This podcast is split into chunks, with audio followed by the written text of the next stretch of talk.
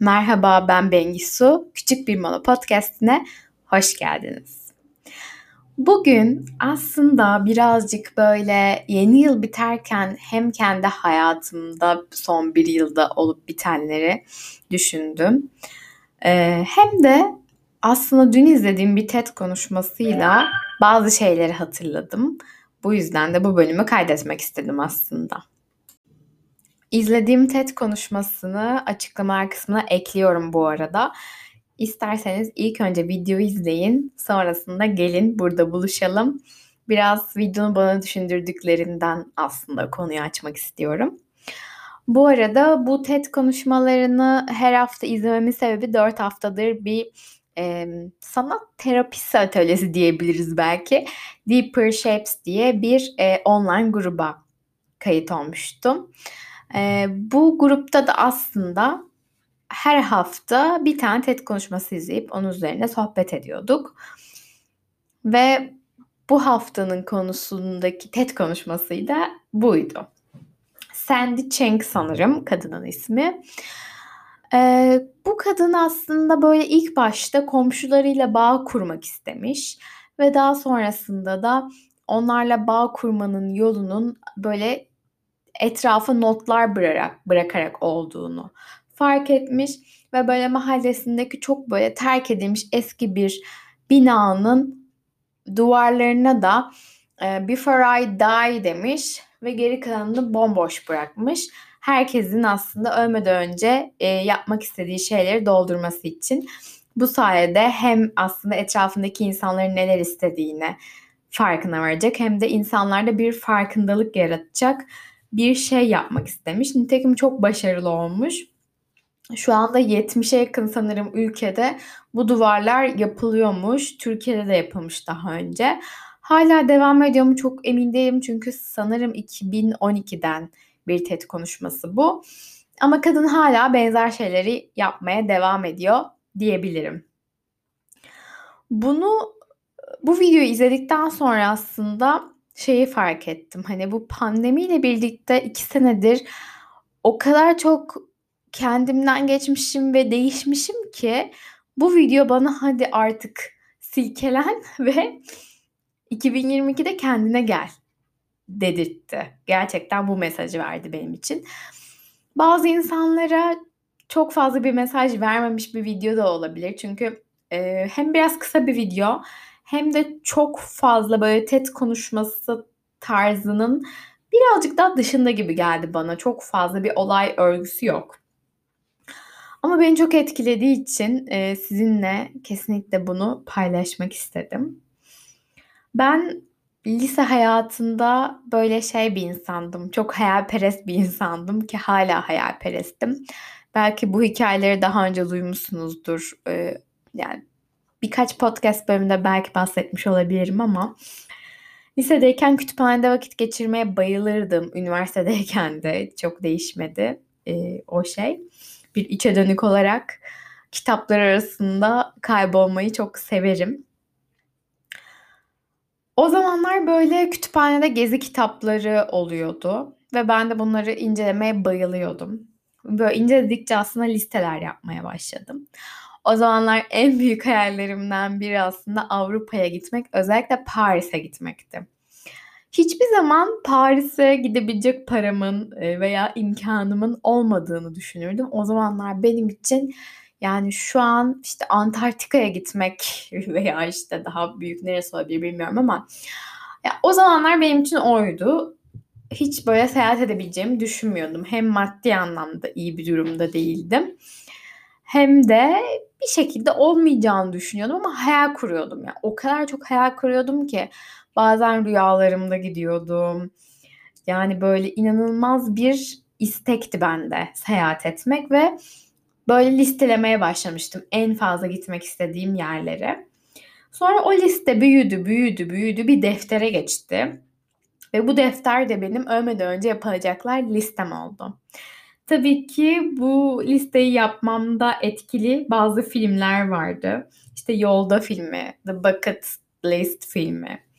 Yine buna benzer film e, önerilerini de açıklamalar kısmına eklerim. Oradan bakabilirsiniz. Ben her zaman izlediğim, dinlediğim, okuduğum şeylerden çok etkilenen bir insan oldum. Ve hayattaki en büyük farkındalıklarımı ve gelişimlerimi de sanırım bunlara borçluyum. Ve ben tabii ki gün geçtikçe gitmek istediğim yerlerin listesini, yapmak istediğim şeylerin listesini ölmeden önce yapılacaklar listesi defterine kaydetmeye başladım.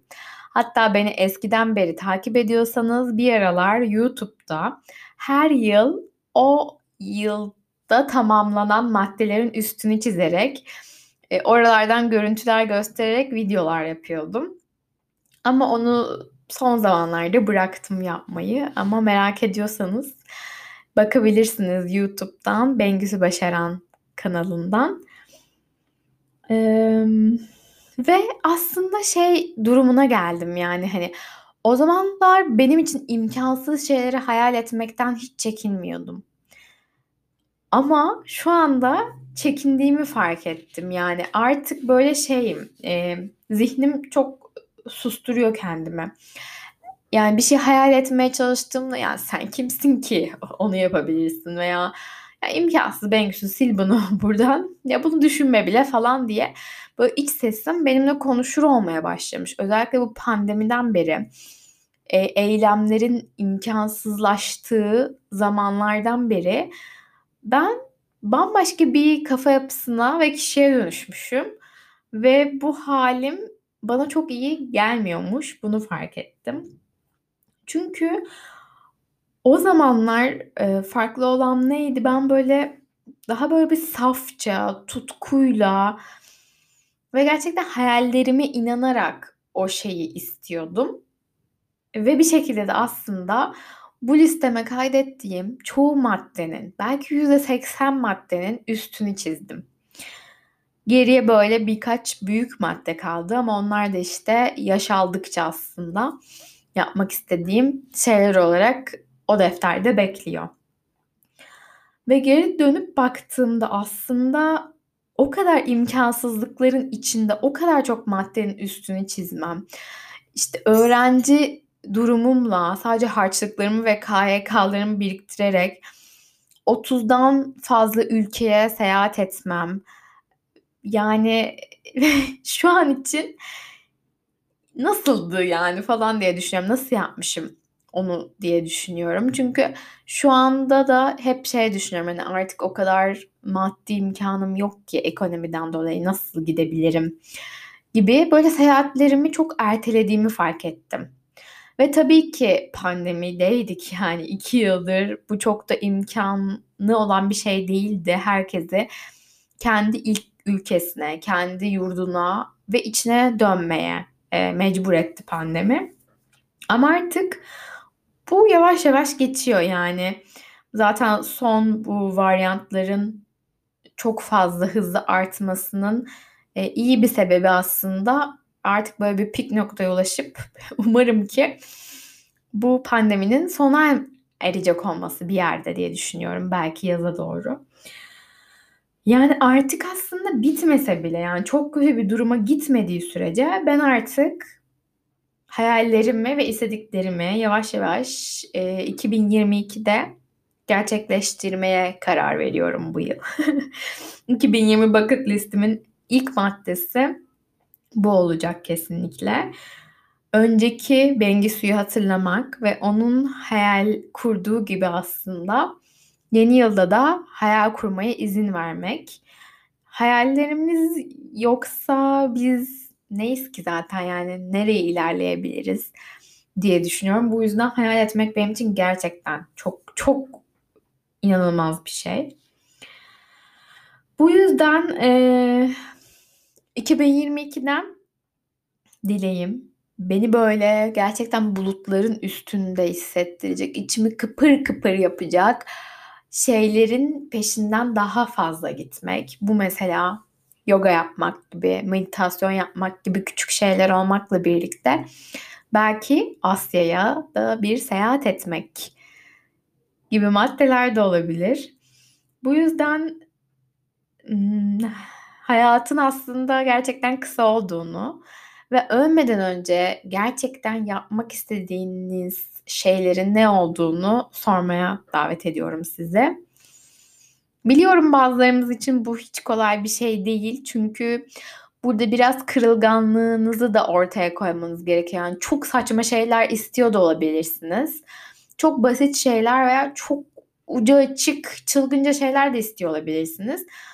Ama bunu bir şekilde ortaya koymak gerçekten başarmanın e, yarısına denk geliyor bence. Ve özellikle de yazmanın gücü gerçekten inanılmaz bir şey. Bu TED konuşmasındaki kadının da yaptığının e, en güzel kısmının aslında o koca duvara insanların yazdırmak yani hayallerini yazdırmak olduğunu düşünüyorum. Çünkü zihindeki bir şey gerçekten yazarak gerçekleşmeye başlıyor. Zihinde durduğu kadarıyla onu tam olarak gerçekliğe e, geçiremiyoruz diye düşünüyorum. Bu yüzden siz de bence yeni yıla girmeden şimdi bu podcast kapatırken bir kağıt, bir kalem alıp ölmeden önce neler yapmak istediklerinizi yazın. Eğer paylaşmak isterseniz benimle Instagram'da Bengili Sular kullanıcı adım. Buradan benimle paylaşabilirsiniz. Eğer fotoğrafı varsa listenizin onu da paylaşabilirsiniz. Yani paylaşmak istiyorsanız. Ben görmeyi çok isterim ve çok mutlu olurum. O zaman gününüz çok güzel geçsin. Şimdiden bir daha görüşemezsek yeni yıla kadar mutlu yıllar diliyorum. Umarım 2022 hayallerinizi gerçekleştireceğiniz bir yıl olur ve içinizin kıpır kıpır olduğu, heyecandan ayaklarınızın yerden kesildiği bir yıl olmasını diliyorum e, 2022 yılının. Bir sonraki bölümde görüşmek üzere ve kapatmadan da içeriklerime destek olmak isterseniz açıklamalar kısmındaki Patreon linkinden e, destek alabileceğinizi de hatırlatmak istedim. Hoşçakalın, mutlu seneler.